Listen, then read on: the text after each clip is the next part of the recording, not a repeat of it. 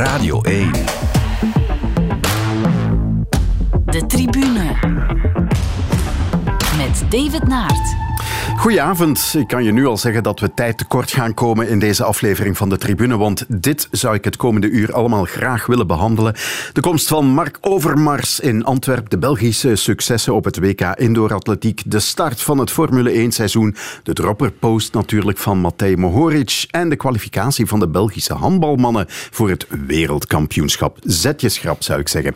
Mijn gasten vandaag zijn sportzaakcollega Dirk Gerlo en Hans van de Wegen, columnist bij De Morgen moet ik nu zeggen zeker. Ja, ja, columnist. Ja. Ja, dag Hans, dag Dirk. Hey. Zullen we maar meteen beginnen met de momenten van de week. Eerst de keuze van Hans. Vrije trap, wel nog voor Vierinha. Hij doet het met rechts kort opletten. De bal gaat erin door. Hij gaat erin, maar jongens toch, Douglas Augusto. Veel te simpel tegen doelpunt. Jongen, jongen, jongen. Het is geen eh, Griekse overwinning, het is een Griekse tragedie voor Agen. Houdbare bal. Het leek alsof jullie dat eh, efficiëntiespook, als ik het zo mag noemen, eh, te hebben verjaagd de voorbije weken. Geweldig in de competitie, ook wel efficiënt. Misschien nog niet efficiënt genoeg Nee, hoor, naar, jou, naar jouw goesting. Ik kan, wel een kan een aantal van de laatste wedstrijden nog laten zien waar we er ook de nek hebben opgevrongen die, die, echt, die echt niet normaal waren. Maar oké, ja. we weten dat, hè? dus we moeten altijd heel veel creëren om er een paar te maken. Wat mij wel stoort, is dat wij tegen die mannen drie goals pakken. Ja. Alle drie op stilstaande fases. Ja, met AA Gent verdween vorige week de laatste Belgische club in Europa. Ja, ik was daar en eh, ik moet eerlijk zeggen, ik zag eh, een tegenstander. En toen ik ze bezig zag, dacht ik van, oeh, dat is een hele slimme ploeg. Er zitten daar geen superlopers bij, er zat wel een goede spits, die Akpom. Eh, die captain was oké, dat is een Braziliaan, dacht ik. Eh, dat was allemaal, ja, maar zo slim. Vallen als het moet, scoren als het moet. Heel slimme corner. Heel, ja, oké, dat eerste doelpunt dat ze tegenkrijgen, dat is ongelukkig. Slecht weggewerkt door de verdediging van Gent, die de laatste weken super goed bezig was. Maar goed, Gent heeft het dan gisteren tegen Anderlecht... eh, ook niet echt super verdiend, maar ze hebben wel gewonnen. Ehm, de, de supporter in mij zegt van, eh hey, verdiend. De journalist in mij zegt, Anderlecht had het beter van het spel als er één mocht winnen. En de man die lesgeeft over de Belgisch voetbal zegt van ja, maar Anderlecht staat op een plek waar ze eigenlijk niet hadden kunnen staan als de financial fair play had gewerkt. En Anderlecht is eigenlijk gered door corona. Want als er geen corona was geweest, had Anderlecht niet de investering kunnen doen die ze nu hebben gedaan. En waren ze gewoon een middenmotor geworden. Dus uiteindelijk eh, hoort Anderlecht in play-off 1 thuis. Ja, op basis van het eh, mooie spel. Club hoort daar ook thuis, Union ook. En dan is het tussen Antwerpen en Gent. En dan denk ik van, gezien wat er vandaag is gebeurd en hoe Antwerp voetbal, denk ik van, ja, dan nog liever Gent in play-off 1 dan eh, Antwerpen. Ja, het momentum zit ook wel bij Gent in de competitie. In de competitie wel, hè. 7 op 7, maar ze moeten nu nog naar Cercle Brugge, eh, dat heel erg hoog druk zet, eh, hele wendbare spelers heeft op het middenveld. Eh, daar wordt moeilijk. Als de Saar terugkomt snel, dan kan Ojija weer een rijtje hoger, moet hij niet zoveel verdedigen, want als hij echt moet gaan verdedigen, dat, was, dat zag je ook gisteren, dan, ja, dan lopen ze hem toch voorbij. Eh, hij doet dat niet graag. Eh, hij kan dat eigenlijk wel, want hij heeft conditie. Maar hij doet dat niet zo graag. En, eh, Hein van Azenbroek heeft een oplossing gevonden voor hem. Maar ja, de Saar deed gisteren niet mee. Dus moest Ojinja een beetje lager spelen. En dat, was, eh, dat zag je meteen aan het spel. Ja. Ben jij iemand die inzit met de Europese coëfficiënt van nee, onze Belgische clubs? nee, helemaal niet. Ik, ben zelfs, ik heb zelfs al de stelling geponeerd en die is nu een keer overgenomen door iemand die er veel meer van kent dan ik. eh, dat eigenlijk het beste is dat er geen Belgisch team van ons in de Champions League speelt, want eh, die 35 miljoen euro vertekent de complete markt. Is eigenlijk een soort marktontwrichting. In- in onze Belgische competitie, Ja, die komt ja. binnen bij één team. Dat ene team heeft daar, denk ik, eh, was het 5% of 10% moeten van afstaan in het COVID-jaar. Maar dat is nu nog miniem. Daar moeten ze eigenlijk niks van af, afstaan. En Eddie Wouters, weet niet of hij nou leeft. Eddie Wouters, die heeft Voor zover we destijds... weten wel, ja. Ja, die heeft destijds bij het begin van de Champions League een keer een interview aan mij gegeven waarbij hij zei: Ik vind dat dat geld moet verdeeld worden. En toen heeft Verschuur gezegd, we zijn hier niet in Rusland of in de USSR of in een communistisch land. Uh, dat is voor ons dat geld enzovoort. Maar Eddie Wouters had eigenlijk gelijk. Dat geld is zo machtontwrichtend in België, dat mm. Europees geld, dat het eigenlijk in een pot zou moeten komen. En degene die het speelt, mag meer krijgen, uiteraard. Maar dat zou moeten aan alle teams worden verdeeld. Hè. Maar goed, als er nu geen 35 miljoen meer onze kant uitkomt, of 40 miljoen, want het zal wel weer meer zijn, dan... Uh, ik denk niet dat er nog veel Belgische teams zich gaan kunnen plaatsen in die laatste voorronde tegen de nummer 4 van Engeland of de nummer 5 van Engeland of de nummer 4 van Italië. Dat wordt lastig. Ja. Maar het zou ook misschien ook maar tijdelijk zijn, hè? want uh, er valt dan weer een heel slecht jaar weg in die berekening van die coëfficiënt. Dus misschien over een jaar of twee of drie ziet het er dan plots weer uh, beter uit. Maar dat bekijken we dan wel als ja, het zover voilà. is. Ja. En dan het moment van Dirk. University of Pennsylvania swimmer Leah Thomas taking first place in the NCAA 500 yard freestyle. She is the first transgender athlete to be crowned NCAA champion, but not without controversy because critics say she has an unfair physical advantage over the other swimmers and should not have been allowed to compete. Now, second place went to University of Virginia swimmer Emma Wyant, who won a silver medal in last year's Tokyo Olympics. She's getting an outpouring of support on social media, with some calling her the true winner. Een transgender zwemster wint de 500 yards op de college zwemkampioenschappen in de Verenigde Staten. Ja, 500 yards, voor wie het niet weet. Het is niet de 400 meter, bij ons is er 457. Maar ja, dat is nu typisch in het Amerikaanse zwemmen. Ze zwemmen ook de 200 yards, de 100 yards en zo verder.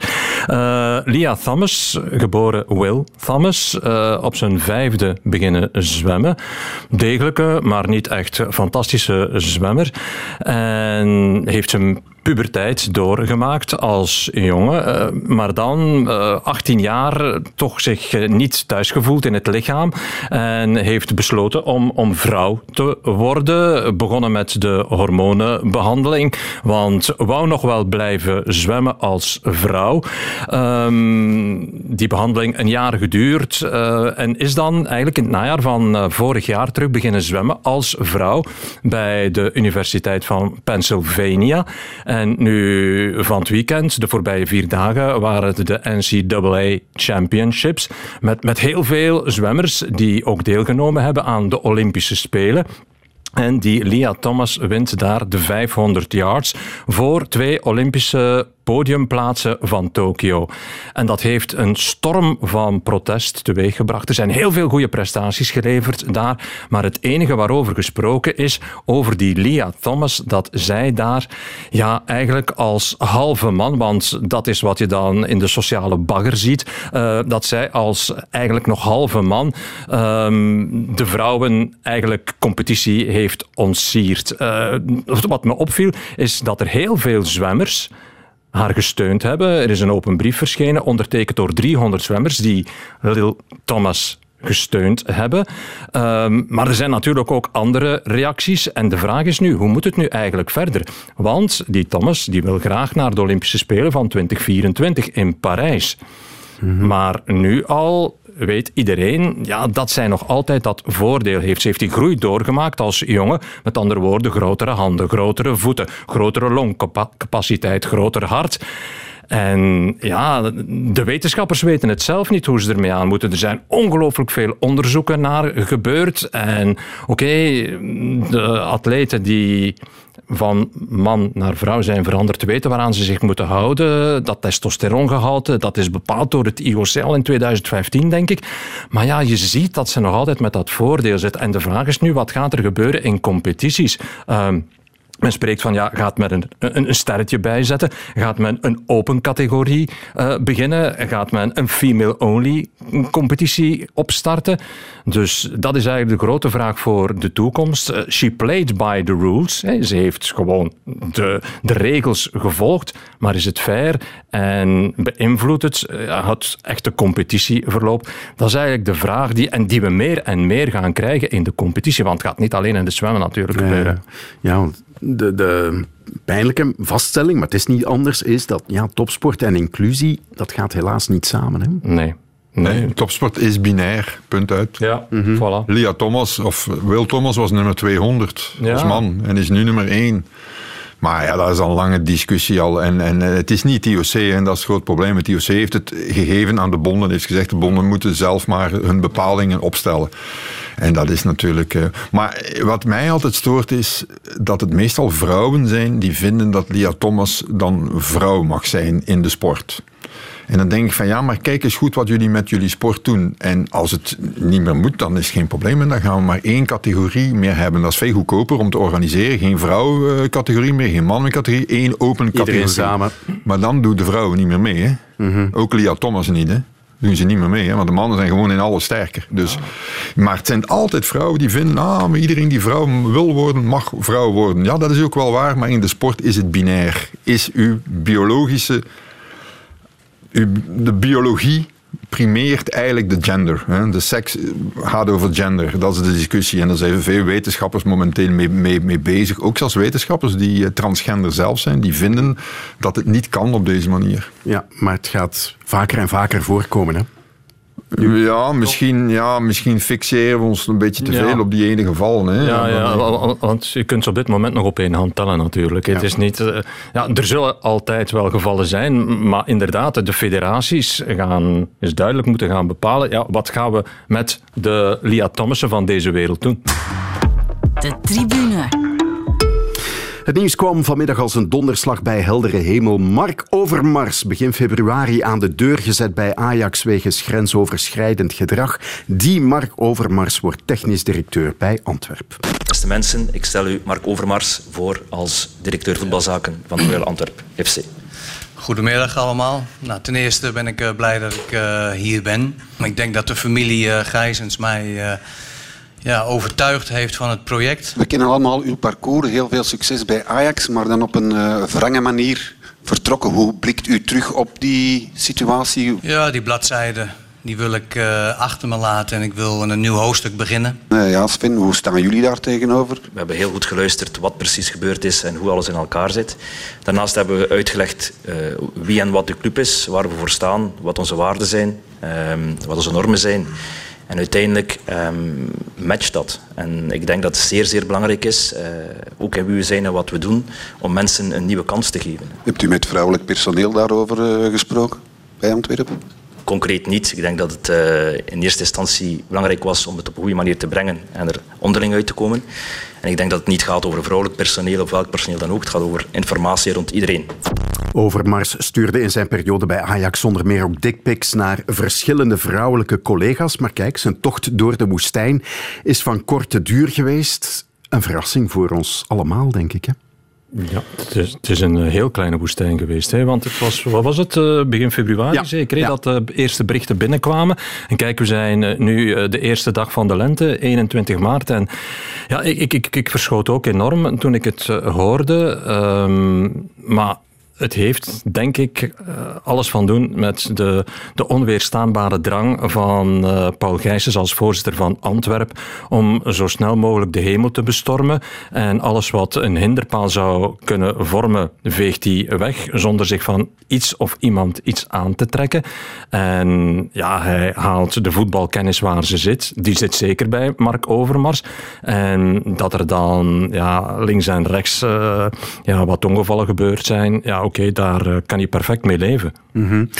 Hans, zelfs jij stond te kijken van dit bericht? Ja, ik, ik, ik, ik, had het niet gehoord. Enfin, tenminste, eh, men belt mij en men zegt, een NOS belt en zegt van ja, over, ja, ik zeg ja, ik heb iets gehoord en ik eh, ja, zoek dat dan op en dan denk je, dit kan toch niet waar zijn. En als je dan hoort vanuit Nederland dat er nog een klacht loopt eh, van Ajax namens het vrouwelijk personeel tegen Overmars, dan denk ik van ja, wacht dan toch misschien maar beter tot alles is bovengekomen. Want misschien komt daar nog wel vuilnis naar boven. En, eh, maar ja, Paul Gijsens, jongens, sorry. eh, sowieso het Belgisch voetbal, moreel kompas is er niet meer. De bullen zijn het, en Paul heeft dat niet als het om voetbal gaat. Die wil gewoon... Ja, die heeft een, een hekel aan Club Brugge en de manier waarop ze daar doen. Die is met, die is met, eh, die is eh, met Verhagen gebouilleerd rond, rond, dat, eh, rond dat stadion in Brugge, rond dat Eurostadion in, in, eh, in Brussel. Eh, die wil gewoon de top van België. En die heeft dan gezien ook dat Club Brugge goede contacten heeft en verwijst naar Ajax, want zelf kent hij niet zo heel veel van voetbal. En denkt hij, ah, directeur van Ajax is op de markt. Ik ga die dan nemen, want anders gaat hij misschien naar Club Brugge. Hè? Want Club Brugge heeft nu Noah Lang, die hebben dus contacten met Ajax. Ja, die zouden dat nooit doen. Niemand zou dat doen. Paul Gijsjes doet dat. En ik denk ook wel dat dit weer snel vergeten zal zijn in de betekenis van, uh, vanmiddag hadden de collega's van Radio 2 gebeld met de voorzitter van de supportersfederatie met de vraag van, wat vinden jullie hiervan als supportersfederatie? Die vonden dat perfect. Die zeiden van ja, de voetbalkennis gaan halen waar we ze kunnen vinden. Mark Overmans heeft bewezen als voetballer, als, eh, als coach, dat hij werkelijk het beste uit een ploeg kan halen. Dus, en als dat dan naar Antwerpen komt, dan, dan kunnen we niet anders dan heel tevreden zijn.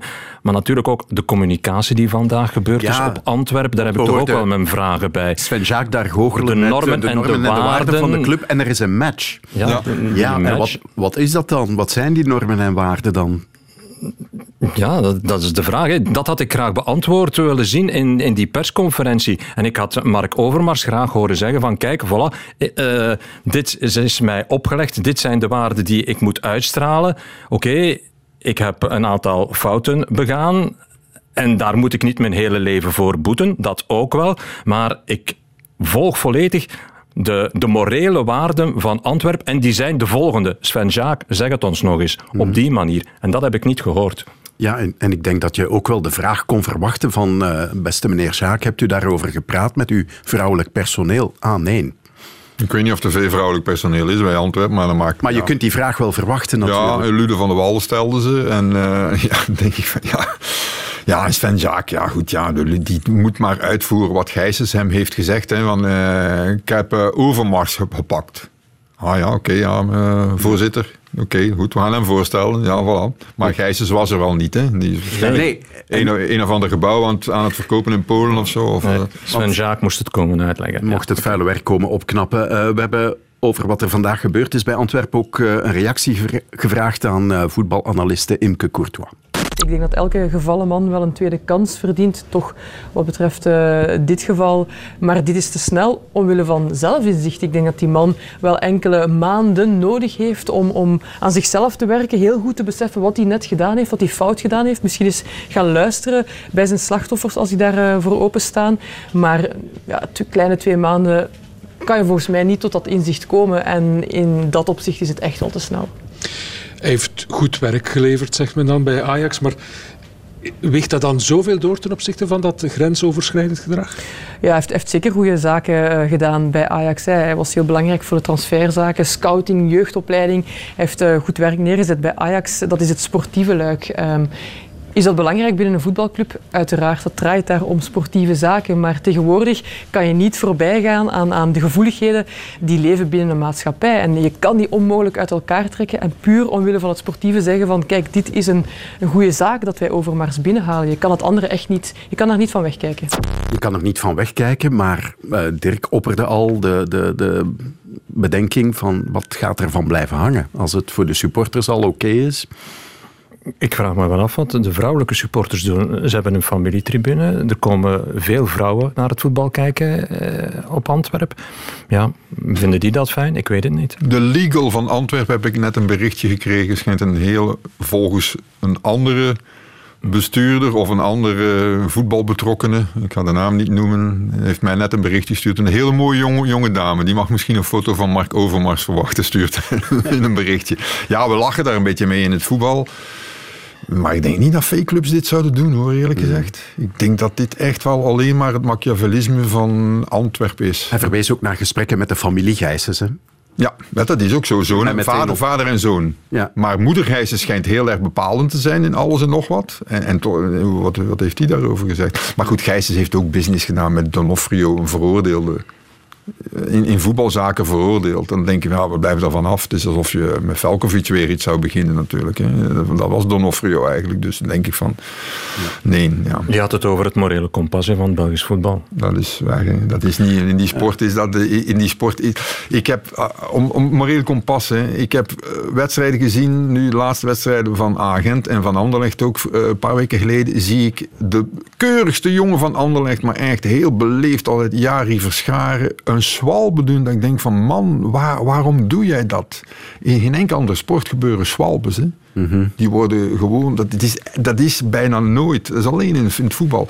Samoise bij Gent, net hetzelfde. En dat is dat voetbal heeft iets, iets pervers in zich. Dat automatisch protesteren bij de scheidsrechter ook. Ja, Ook al weet dat je is, van, Dat is nee. heel vervelend in die sport. Maar dat komt ook omdat die, die verschillen zijn zo klein. En, en dat klein dingetje dat je kan doen om toch te winnen, dat doe je daar dan mee. Hè. En, eh, Ja, maar ik heb nu bijvoorbeeld ook eh, eh, eergisteren, ja, zaterdag, die, die, die handbalwedstrijd gedaan tussen België en Slowakije. Dit was echt op het scherp van de snee, met heel harde contacten. Je krijgt twee minuten, maar niet één Slovaak die de beslissing van de scheidsrechter ging aanvechten. En je ziet dat eigenlijk in alle sporten, maar in het voetbal lukt dat maar niet. Nooit. klopt. Ja. Nog even over eh, Overmars, of het geval hier van, van eh, grensoverschrijdend eh, gedrag. De vraag is natuurlijk, hoe lang moet zo'n tocht door de woestijn dan duren? Wel, minstens tot na de afhandeling van de klacht. Ik wist niet dat er een klacht was. Men zei mij dat vanuit Nederland. Ik zei, oei, ja, dan vind ik dat toch wel een manier om, om, om- daarmee om te gaan. En denken van, ja, gaan we eens kijken wat er nog boven komt. Maar ja, hoe lang moet een tocht duren? Ja, goed, ja. ik bedoel, eh, lang genoeg. En dit was Dit niet lang kort, genoeg. ja. Maar ja, het, het valt wel op. Paul Gijsens die heeft echt lak hè, aan wat de buitenwereld van hem denkt. Het was ook Antwerp dat eh, de regel aanvecht van de zes voetbalbelgen op het eh, scheidsrechtersblad. Net op het moment dat de hele discussie woedt over de fiscaliteit en de RSZ-voordelen voor het voetbal. Maar het is gewoon my way or the highway. Ja, Paul Gijsens is Paul Gijsens. eh, dat die, ja, maar dat- als je ziet hoe die man... Als je die man ziet, alleen al ziet en hoort... Dan weet je van, ja, hier ga ik echt niet eh, de hoogste morele standaarden eh, voorgeschoteld krijgen, hoor. Dat is echt... eh, ja, wat heel weinig mensen weten, Paul, Paul Gijsens heeft bijvoorbeeld ook een business die in de gezondheid zit, de gezondheidssfeer zit. Hij, hij heeft dus van die scaninstallaties eh, die hij in Nederland neerzet, waar je dus voor heel veel geld jezelf kan laten scannen. Hij heeft bijvoorbeeld alle ketonen op een bepaald moment in de wereld opgekocht. Heeft Human, het grote ketonenbedrijf, opgekocht. Dat is van hem. Ja, dat is onwaarschijnlijk. En hij eet ook ketonen zelf, omdat hij weet dat, dat, ja, dat koolhydraten, hij weet de koolhydraten, dat is kanker enzovoort. Ik, daar blijft hij af. En dus ketonen, dat is zijn voeding hè, voor een groot deel. Of hij het nu nog doet, maar een tijd lang is het zo geweest. Het is een heel, heel rare man. En ik, ik ga daar ook niet eh, te veel eh, woorden aan verspillen, want ik, ja, het- de- hij zit in een business die mij niet zo bevalt, eerlijk gezegd. Dus, eh, Oké, dan gaan we naar een andere sport. De tribune. Want wat een succesvol WK Indoor Atletiek hebben we gehad. Goud voor Norvits op de vijfkamp en de Belgian Tornado's op de estafette. Ook nog een restfinale plaatsen. Ben Broeders, polstokspringen, Elliot Crestan, 800 meter, Thomas Carmois, hoogspringen. eh Michael Somers en Isaac Kimeli, finale 3000 meter. Michael Obasui, IJzona in de hordefinale. Eh de Cheetahs ook eh, de finale bereikt op de estafette. Ja, wat een weelde. Ook al is het maar een WK indoor en is het uiteindelijk alles wat in open lucht is dat telt. Ja, klopt. Eh, maar natuurlijk ook... Oké, de Belgen hebben er goed gepresteerd, maar niet iedereen was ook bij de Belgen in topvorm. Dus oké, zij weten wel dat de zomer belangrijker is dan de winterperiode. Dat de outdoor-competitie belangrijker is dan de indoor-competitie. dus, en ik denk dat dat voor alle landen ongeveer geldt. Dus wat ze daar gedaan hebben, dat mag je gewoon omschrijven als heel goed, denk ik. Ik denk dat eerlijk gezegd ook. Ik denk dat eh, een paar jaar geleden was dat niet. Hè? Hadden we dat niet. Eh, die, en pas op, die, we hadden wel me- medailles, maar die goede prestaties in de breedte, die waren er niet. in. Maar dat is al een paar jaar is een paar jaar, gekeerd, hè? Maar dat is in meerdere sporten. Hè? Dat, er, dat er al een, een evolutie is waar wij toch op tussenliggende kampioenschappen beter zijn beginnen presteren. Met als voorlopig goed resultaat die zevende medaille die we een keer gehaald hebben op de Olympische Spelen. Want die tussenliggende re- resultaten zijn vaak bepalend voor het niveau op de Spelen. Dus ik, denk- we zitten... We zijn op goede weg. Uh, atletiek is ook op goede weg. Die zijn een tijdje toch gestraft geweest uh, door min, minder contracten gekregen en zo. We zijn terug moeten gaan herbronnen. We zullen straks over nog zo'n sport hebben waarschijnlijk die zich heeft herbrond. En, en ja, dat, dat is toch... Uh, je ziet toch in Vlaanderen van... Het is wel hoofdzakelijk toch een Vlaams verhaal. Alhoewel atletiek... Helemaal. Carmois, atletiek is. Bicommunautair. Dat zie je dat er... en kijk vooral naar de leeftijden. Hè. Je ziet, het zijn allemaal jonge twintigers bijna. Oké, okay. Ben Broeders, die is al de 25 voorbij, maar de rest zijn bijna allemaal jonge twintigers. En dat is natuurlijk een heel goed vooruitzicht. Ja, uh, Norvits is ook een van uh, die twintigers. Vierde in Tokio, dat was een verrassing. Ondertussen timmert ze verder aan de weg met nu de schout op de vijfkamp en een Belgisch record. Al denk ik dat je dat moet relativeren, want uh, Tiam heeft niet zoveel vijfkampen gedaan. Maar goed, ze doet het wel.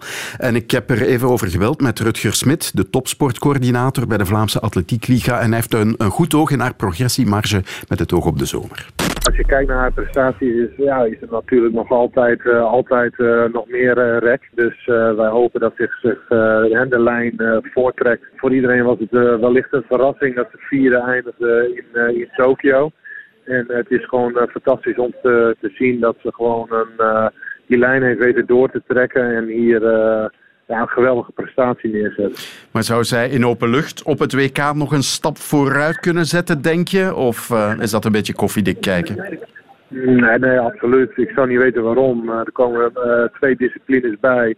Eentje op papier is uh, iets mindere discipline voor haar speerwerpen. Maar daar ook, daarin maakt ze ook eh, progressie. En dan komt er ook nog een heel sterke discipline van haar. Dat is 200 meter. Dus ja, uh, al met al uh, denk ik dat het er heel goed voor staat. Ze staat er goed voor, voor wat een drukke zomer gaat worden voor haar, hè, met het WK en enkele weken later al het EK in München, waar ze misschien wel het goud mag ambiëren. Ja, misschien wel. En uh, ja, bijvoorbeeld uh, als je kijkt wie er allemaal gaan bijkomen natuurlijk. De Nederlanders gaan erbij komen, die Schulek gaat erbij komen, Jordan Thompson, die zit dan natuurlijk met drie kampioenschappen, WK, Commonwealth ja. en dan nog eens Europees kampioenschap. Dus ja, als zij fris genoeg aan de start kan komen in München, dat zeker. Hè. Uh, het enige wat opvalt, als je nu kijkt naar, naar die resultaten bijvoorbeeld van de jongste competities van Norvits, het, het hoogspringen nog een beetje. Ze heeft een heel goede start genomen op de horden. Goed. Loopnummers, we horen het ook van Smit. Goed, die 200 meter gaat van de zomer ook goed zijn. Uh, het is nu gewoon ook wennen aan haar nieuwe status, denk ik. Want ze is nu wel indoor wereldkampioene. Er gaat meer naar haar gekeken worden, denk ik. En gaat zij goed om kunnen gaan met die mentale druk die er een beetje gaat bijkomen. Maar dat lukte nu toch al wel, uh, want zij was ja, hier vond al, vooraf altijd al een medaille spontaan. toegedicht. Hè? Ja, dus daar leek zij geen last van te hebben. Nee, ook al omdat ze misschien een beetje combineert, hè, nog altijd met haar studies. Hè. Ze is bezig aan haar thesis als bio-ingenieur. Dus ze heeft nog afleiding. Het is niet alles en alleen maar atletiek. Dus op dat vlak denk ik ook wel dat het ook in het hoofd goed zit. Goede begeleiding. Dus ja, waarom niet? Hè? Ik ben verheugd dat we een meerkampster hebben die lachend uh, ja. medaille pakt. Hè. Want uh, Nafitiam is altijd een drama als ze een medaille pakt. En, en uh, ik denk van ja, oké, okay, goed. Uh, Norvits lachend. Elke wedstrijd lacht. En, en ja. ook weer die 800 meter zelfs. Zelfs na de 800 meter lacht. Ja, dan denk je van, dat is wel... maar goed, ja, die trainer ook van haar, Fernando Oliva, die heeft toch al wel meer dingen bewezen ook. Hè. Dat is ook de man die Kim Meilemans heeft leren, leren starten en, en sneller heeft doen starten. Oké, okay, die skeleton is aan de mist gegaan door haar ziekte en uh, haar covid-toestand daar in Beijing. Maar ja, daar zit iets achter. Uh, er zit een idee achter. En, en uh, daar zit ook een, een bereidheid achter om, om, om te investeren in, in, haar, in haarzelf en in die sport. Zonder meteen te zeggen, ah, ik moet dit en ik moet dat en ik wil dat salaris enzovoort. Nee, die Norvits die amuseert zich gewoon. Ja. En uh, ik moet zeggen, ik was gisteren zelf wel verbaasd over dat goud van de Tornado's op de estafette. Um, de turbo van Kevin Borlée sloeg plots weer aan. Maar het was niet alleen dankzij Kevin dat ze dat goud hebben gepakt. Nee, nee, nee. nee maar uh, ik vond het heel mooi hoe hij die Spanjaard nog inhaalde. Nu, die Spanjaard, ja, ik ken die mensen niet echt. En ik weet ook niet wat die echt waard is uh, op een gewone 400 alleen. Maar je moet het toch altijd maar doen. En dat team staat er altijd weer. En ja, hoe was de 27e of 28e medaille? Ja. Ik ben de tel kwijt. Ja, en, ja. en Kevin is de ultieme estafetteloper. Hè? Ja. Moet je nu wel zeggen, niet vergeten, zijn er al bij van, van in Peking zeker. Hè? Dus ja. we zijn ondertussen wel uh, 14 jaar verder en nog altijd het kunnen afmaken. Het is een ervaring ook. Gisteren uh, nog niet meteen naar uh, de man voor hem lopen, nee, rustig bekijken en dan zien, nu is het moment gekomen om echt te gaan.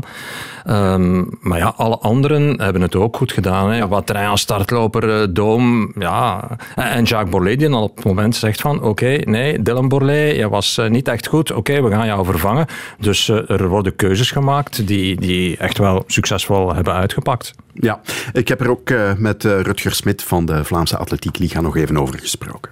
Eindelijk WK-goud op uh, die estafette.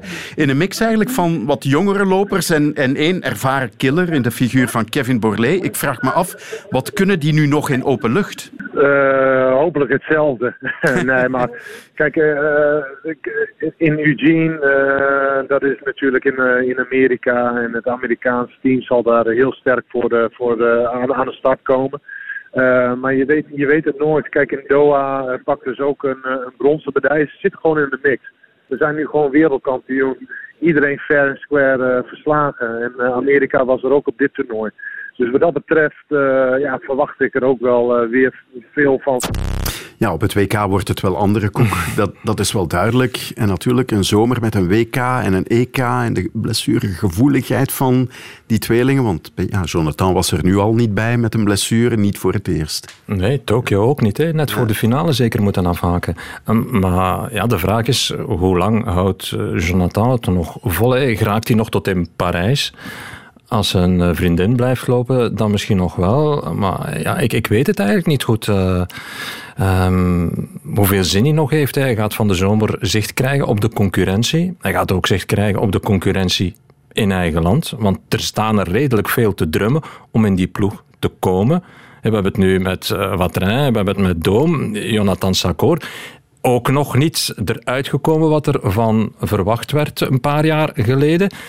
Ja, ik heb er nog een paar van de Bemde. Ik was zelf allemaal mannen die zich echt willen bewijzen. Dus Jonathan zal ja, ook blessurevrij moeten blijven om nog in topconditie te geraken en om ja, concurrentieel te zijn. Ja, en die mixed relay komt er dan ook nog eens bij. dat is geen cadeau, ja. hè, als je al wat ouder wordt. Nee, ja, goed, die belastingen zijn zwaar. Hè. En, eh, maar eh, als wij 400 meter lopers blijven maken, die allemaal een redelijke tijd, en die dan ook blijven trainen op, op, op de wissel, en, en, dan denk ik wel dat we daar iets kunnen blijven doen. Maar of we altijd medailles zullen halen, dat is natuurlijk wel afhankelijk van die ene hele snelle, die, die het nog wel kan afmaken natuurlijk. Ja, en dat is voorlopig Kevin Borlée. Ja. Goed, we gaan naar de autosport. De tribune. Want het nieuwe Formule 1-seizoen is gisteren begonnen met een boeiende race. Ferrari opende in Bahrein met een 1-2. De winst was voor Charles Leclerc. En Lewis Hamilton die werd nog derde zowaar dankzij het uitvallen van de twee Red Bulls. Dag Chris Wouters. Chris Wouters, inderdaad. Commentator bij Play Sports.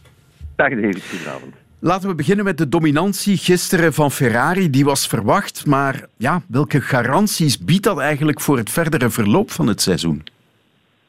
Oh, dat is moeilijk in te schatten. Zo was ook wat mij betreft niet, niet zo, zo verwacht hoor. Er is nog een groot verschil tussen het goed doen in de tests en uh, tijdens de free practice. En één snel rondje in qualifying, um, na de vrije trainingen, bleek dat Red Bull, zeker qua race pace, de gelijke, zo niet de meerdere was van Ferrari, maar dat hebben ze er in de race nooit kunnen uithalen. En Ferrari was sterker dan iedereen gedacht had, ook op raceafstand. Dus dat was heerlijk om te zien dat de, de scharlakenbolides toch helemaal terugstaan. Hè. Voor de rest van het seizoen, het is moeilijk te zeggen. Het is natuurlijk een, een, een hele ommezwaai geweest dit seizoen met nieuwe wagens. Ik denk niet dat er 5% onderdelen van de wagen van vorig jaar nog op één wagen zit. Dus het zijn volledig nieuwe wagens. Dat betekent dat alle teams die wagens nog gaan laten evolueren. Um, wie is daar het best in? Dat zal een beetje de vraag zijn. Welke engineers komen met de beste oplossingen af voor probleempjes? Wie vindt er links of rechts nog een tiende van een seconde? En dat kan het hele verschil maken. Dus over, over vijf, zes races zou de, ja, de machtsverhouding helemaal anders kunnen liggen terug. Dat, dat, dat is gewoon nu heel moeilijk om te bekijken. In elk geval is het bemoedigend dat Ferrari nog eens op deze manier aan het seizoen begint. Ja, Red Bull dan, de ploeg van Max Verstappen, daar hebben ze op de testdagen nooit een race gesimuleerd. Dat hebben ze zondag cash betaald. Wat is het probleem eigenlijk bij Red Bull nu? Ja, de problemen waren eh, een beetje op verschillende vlakken. Eh, Max Verstappen had een probleem, denk ik, met de stuurinrichting en stuurbekrachtiging. Is uiteindelijk uitgevallen met een uh, probleem aan de benzinepomp, of met benzinedrukproblemen, maar het zal met, met de pomp te maken gehad hebben. Het is nog een beetje onduidelijk waar Sergio Perez precies is mee uitgevallen, maar die verloor ineens de power. Dat kan ook een, een hydraulisch of elektronisch probleem geweest zijn. Um, in elk geval hebben ze bij Red Bull nog werk. De, de, package werkt wel, ze zijn snel, ze zijn snel genoeg. Max Verstappen verklaarde na de race dat hij eigenlijk de hele race al problemen heeft gehad, uh, links en rechts een beetje. Dus vermoedelijk is het echte tempo van Red Bull misschien nog iets hoger uh, dan ze hebben laten zien in Bahrein. Maar ja, het moet eruit komen tijdens de race natuurlijk. Dus uh, daar hebben ze wel werk aan de winkel om, om de hele package goed op orde te krijgen. Maar ja, daar zitten een heleboel knappe koppen bij elkaar. Ik verwacht ook wel dat Red Bull er in het seizoen die wagen op een hele goede manier gaat laten evolueren. Dus mijn verwachting is wel dat Red Bull gaat blijven meespelen. En Mercedes, hoe kijk je daarnaar? En ja, hoeveel tijd gaan ze daar nodig hebben om de problemen op te lossen? Ja, ik, wel, gisteren is gebleken dat Mercedes niet echt heel grote problemen heeft. Uh, tenminste technisch of motorisch, of ze zijn gewoon op dit moment niet snel genoeg.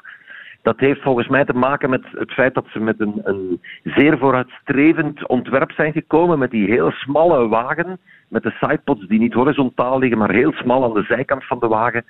Ik denk als die het straks voor elkaar krijgen, en, en dat zou me geen zins verwonderen dat dat al binnen twee of drie races gebeurt, want ook daar zit wat, uh, wat verstand bij elkaar hè, in de fabriek. Allemaal echte toppers. Dus ik, ik vermoed dat Mercedes heel snel stappen gaat zetten en dat die binnen dit en een paar races terug gaan minstens meespelen voor het podium. Want we moeten eerlijk zijn, gisteren hebben ze wel een podium behaald. Maar normaal gezien was dat niet gebeurd. Hè. Als de Red Bulls niet uitvallen, waren ze uh, nou, waren ze niet derde geworden. Dus um, ik, allee, het, is, het is opwindend om te zien, omdat Mercedes zo'n speciale wagen heeft gebouwd. Als ze dat straks voor elkaar krijgen, dan denk ik dat ze gaan meespelen voor overwinningen en wie weet zelfs straks voor het kampioenschap. Dat zou uh, het alleen maar boeiender maken. Dit is het seizoen dat in het teken staat van het nieuwe reglement. Oké, okay, we hebben nog maar één race gehad, maar heeft dat uh, reglement voor jou de verwachtingen al wat kunnen inlossen? Jawel, absoluut. Um, de bedoeling was om ja, het grote probleem in de Formule 1 afgelopen jaren was de vuile lucht achter de wagens. De wagens zijn aerodynamisch zo perfect, maar die zijn gemaakt om door clean lucht te rijden. Dus die voorvleugel bepaalde alles, de luchtstroom over de wagen.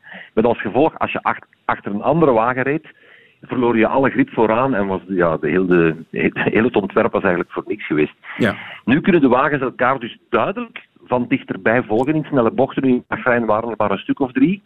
Maar we zagen toch, onder andere in het duel met uh, Verstappen en Leclerc, dat die rondelang in elkaars buurt konden blijven, ook in die sector van het circuit. Dus ik vond dat wel bemoedigend. En ik, ik denk als we straks naar uh, pakweg Spa gaan, dat we echt heel fijne dingen gaan zien. Ja. En de banden, tot slot, daar is blijkbaar wel wat ongenoegen over, hè? Ja, dat is moeilijk. Hè. Dat is, uh, ook daar weer hè, is er nauwelijks getest op een hele raceafstand met zware wagens Pirelli heeft ook geen enkel risico genomen. Um, hij heeft de hardste bandencompound meegebracht uh, naar Bahrein. Um, ja, sowieso, de band is het enige wat de wagen in contact houdt met de baan. Dus het is sowieso het belangrijkste van alles. Hè. De, de ja. teams kunnen soms uh, honderdduizenden dollars opdoen aan de evolutie van een klein dingetje aan een vleugel. Maar als de band niet werkt of binnen het juiste temperatuurvenster zit, dan is al dat werk ook voor niks.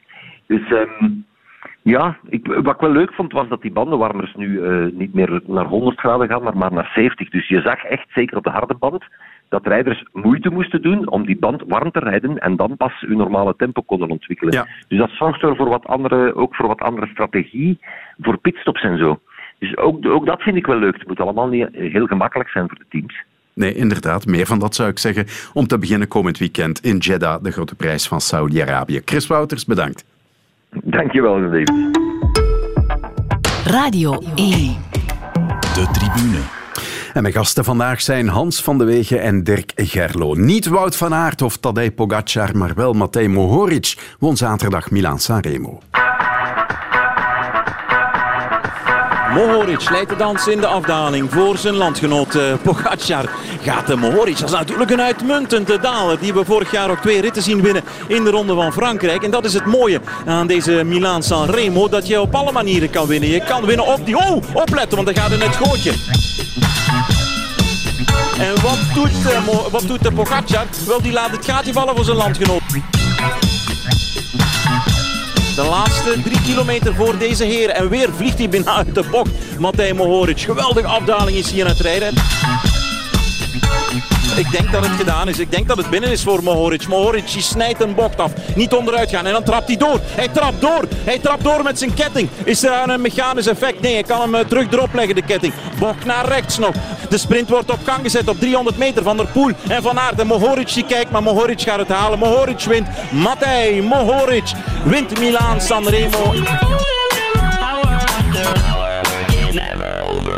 En na de race ging het haast uitsluitend over de dropper post die Mohoric gebruikte. Hans, jij moet al lachen. Ja, Leg ja. misschien eerst eens heel kort uit wat dat is. Het komt uit mountainbike. Staat van sinds 1984, maar toen in een soort eh, ja, een prehistorisch model. Gewoon het zadel kunnen laten zakken om je gewicht te kunnen verleggen naar achteren vooral. Hè, om achter het zadel ook te kunnen hangen. Want als je achter je normale zadel hangt en je moet terugkeren, dat is een heel eh, affaire. Dat lukt bijna niet. Hè, dat is heel gevaarlijk. Maar eh, ja, sorry, het spijt mij heel erg. Als je dat gaat bekijken, dan denk je van ja, aerodynamisch eh, speelt in de Poggio bijna geen rol. Want dat is eigenlijk alleen maar optrekken achter elke bocht. Ehm, ten tweede is hij twee keer bijna tegen het asfalt geknald eh, met zijn eh, dropperpost. De andere niet. Oké, hij gaat sneller naar beneden dan de andere. Ten derde eh, heeft hij al ab- absoluut niet de snelste afdaling gereden. Dus ja, denk je van, hij heeft... Ja, het is weer typisch zoiets zoals we hebben destijds nog een, ik denk, Thierry Marie gehad met zijn haaienvin achterin in zijn zadel. En dat werd dan ook verboden door de UCI. En dat was, oh, iedereen dacht van, ah, dat moeten we hebben. Ehm, er is maar eigenlijk maar één evolutie geweest qua techniek. Waar, waar de mensen mee verrast geweest zijn. Dat is het zogeheten spaghetti-stuur, triathlonstuur, waar Greg LeMond mee de, zijn aerodynamica heeft verbeterd. Maar Mohoric is gewoon de gekste daler van heel het peloton. En eh, er zijn een aantal renners die gereageerd hebben op wat ik heb, heb geschreven. Die zeggen, ja, je hebt, je hebt, je hebt gewoon gelijk. eh, die man die is bijna niet te volgen. Dus eh, ja, en hij doet het. En hij kan ook nog een stukje fietsen. Hè. Het is niet dat Mohoric een sukkelaar is. Ja, ja.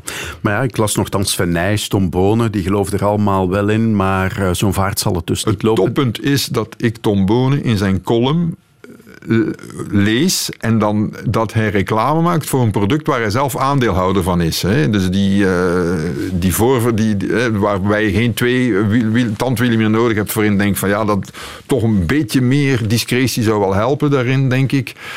Maar goed, in het wielrennen verkopen ze allerlei onzin. Hè.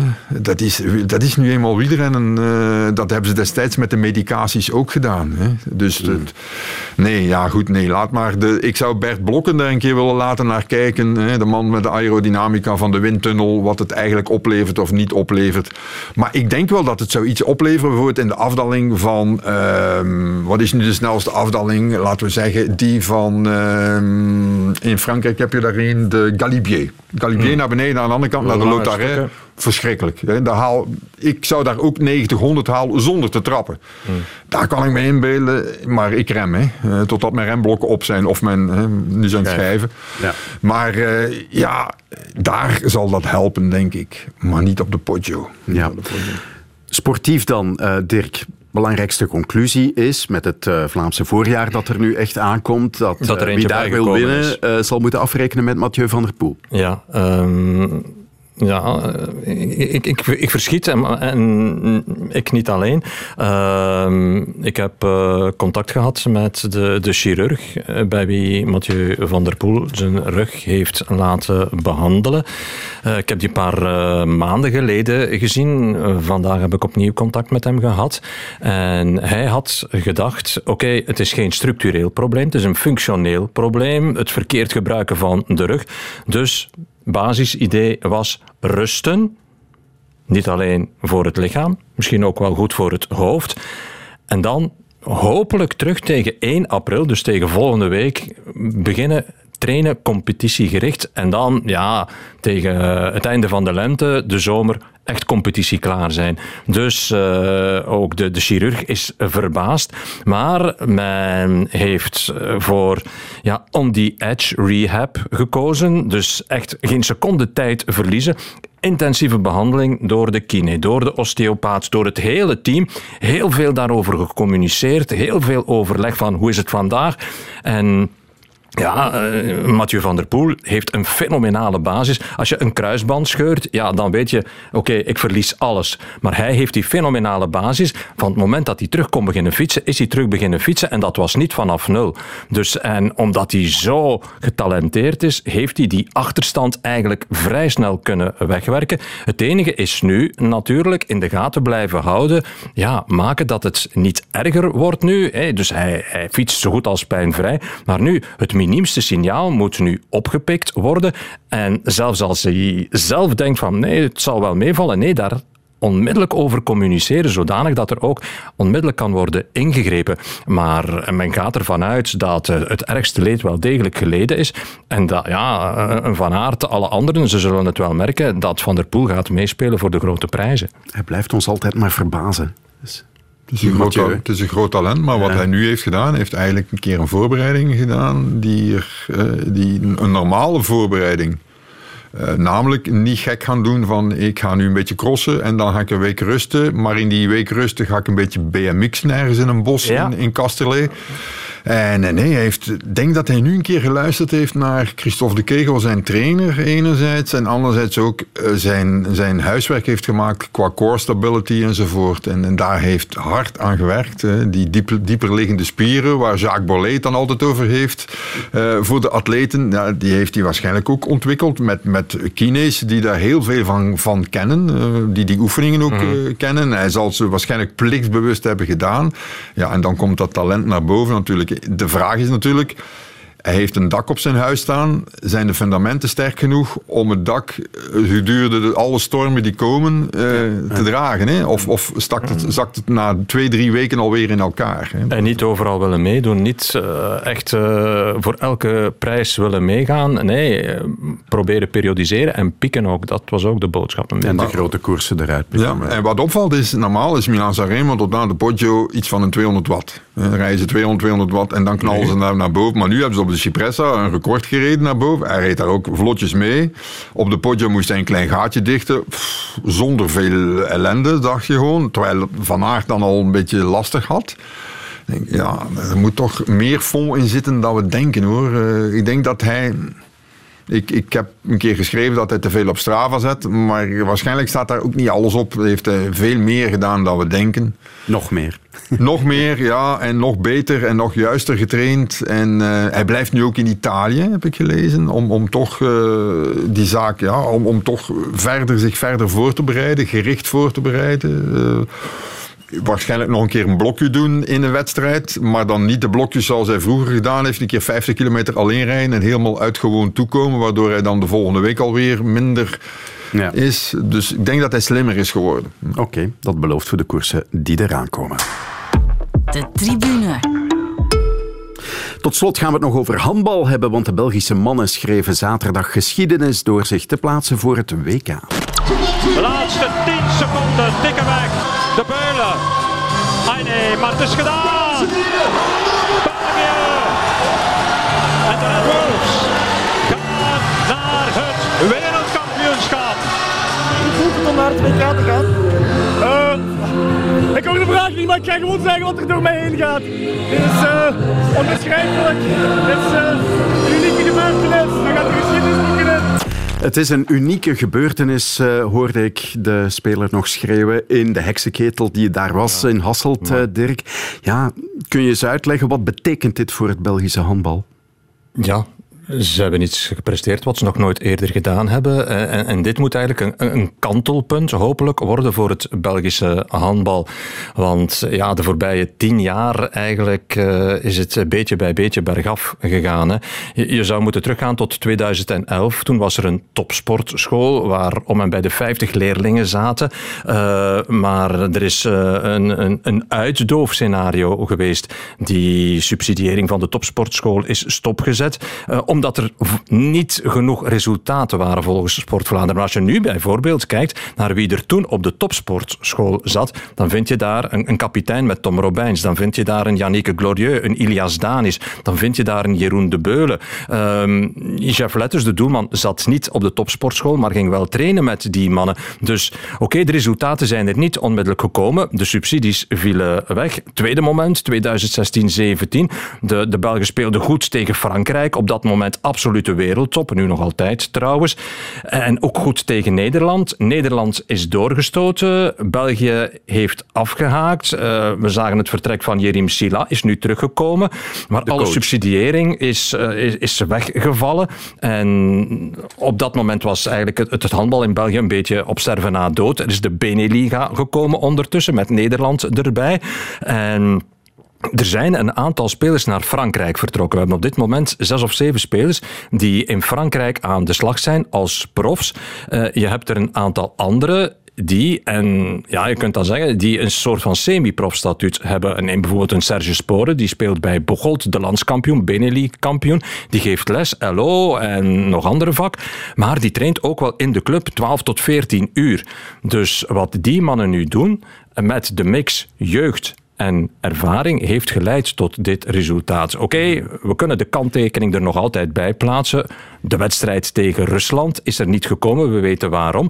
Maar ze hebben wel Slowakije geklopt, dus ze hebben echt wel die, die kwalificatie zelf afgedwongen. Ja, maar het is wel moeilijk om hier verder op te bouwen, precies omdat er niet veel geld is. Nee, dat is het grote probleem op dit moment. Hè. Ehm, dus de topsportsubsidie is helemaal weggevallen. Ik denk dat het werkingsbudget van, van de, de Vlaamse handbalvereniging op dit moment rond de 230.000 euro bedraagt. Daar moeten ze alles ongeveer mee doen. Maar eh, ja, de rest moet van sponsoring komen. De hele campagne. Ze zijn in december eh, internationaal gaan spelen met de selectie. Ze zijn dan in januari die hele campagne WK, EK aan het afwerken geweest. Nu weer in maart die, die, die wedstrijden Slowakije. Dat heeft om en bij de 100.000 euro gekost. Oké, ze kunnen dat betalen, maar het gevolg is wel dat er nu bijna geen geld meer is voor de jeugdselecties. Ze willen echt werk maken van een vrouwenploeg, maar er is op dit moment geen geld voor. Dus ook dat om de natuurlijk wel nodig om het succes te bestendigen. Inderdaad, dus eh succesbestendigen moet ook via de clubs gebeuren. Want daar moeten structuren worden opgezet, er moeten leden worden ja, aangetrokken, jeugdspelers moeten erbij betrokken worden. Er is gigantisch veel werk. Het positieve is natuurlijk nu wel dat je gaat zien dat het een beetje begint te leven. Eh, op de, de wedstrijd van een paar dagen geleden zag ik voor het eerst allemaal jonge kinderen die om selfies gingen vragen met de spelers. Dus ze hebben hun kleine helden gevonden. Dus dat is al belangrijk. Dus ze willen gaan handballen, dat is al één. En eh, nu moeten ze er gewoon werk van maken van ja, de, de nodige instanties aan te spreken. Sport Vlaanderen. Ik heb begrepen dat er gesprekken gaan komen. Er komen gesprekken met het BOIC. Dus eh,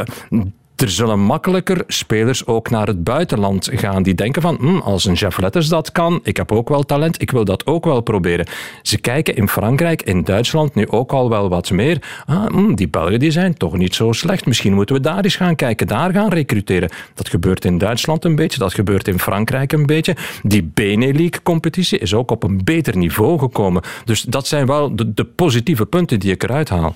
En dat WK, heel kort, wat kunnen ze daar doen? Ja, dat is eh, de vraag. Natuurlijk, een Europees kampioenschap, zoals het in het voetbal is, denk ik, is waarschijnlijk wel sterker, dan, sterker bezet dan een WK. Het hangt er allemaal vanaf van ja, welke landen gaan we loten. Eh, Oké, Argentinië, Brazilië, Iran, eh, ze komen van overal. Qatar, dus eh, dat is heel hard afwachten. Ik denk dat vooral ook ervaring opdoen is eh, en dan eh, proberen van de voorronde al zeker door te komen. Oké, en daarmee zijn we alweer klaar met deze aflevering van de Tribune. De slotvraag is de traditionele vraag. Waar kijken jullie op sportief gebied deze week nog naar uit? Dirk. De voorjaarskoersen bij ons. Hans? Eh, niet direct de voorjaarskoers bij ons. Ik, eh, is er veel? Nee, ja, de Interlands. hè. Ierland-België zaterdagavond. Ierland-België en dan Burkina Faso. Hè. Ik ben Dinsdagavond ooit eens geweest naar Burkina Faso. Ik heb die een keer zien spelen. Dat moet je dan een volgende keer maar komen vertellen. Hans van de Wegen en Dirk Gerlo, bedankt dat jullie er waren. Volgende maandag, 28 maart, zijn we er met een nieuwe aflevering van de Tribune. Tot dan.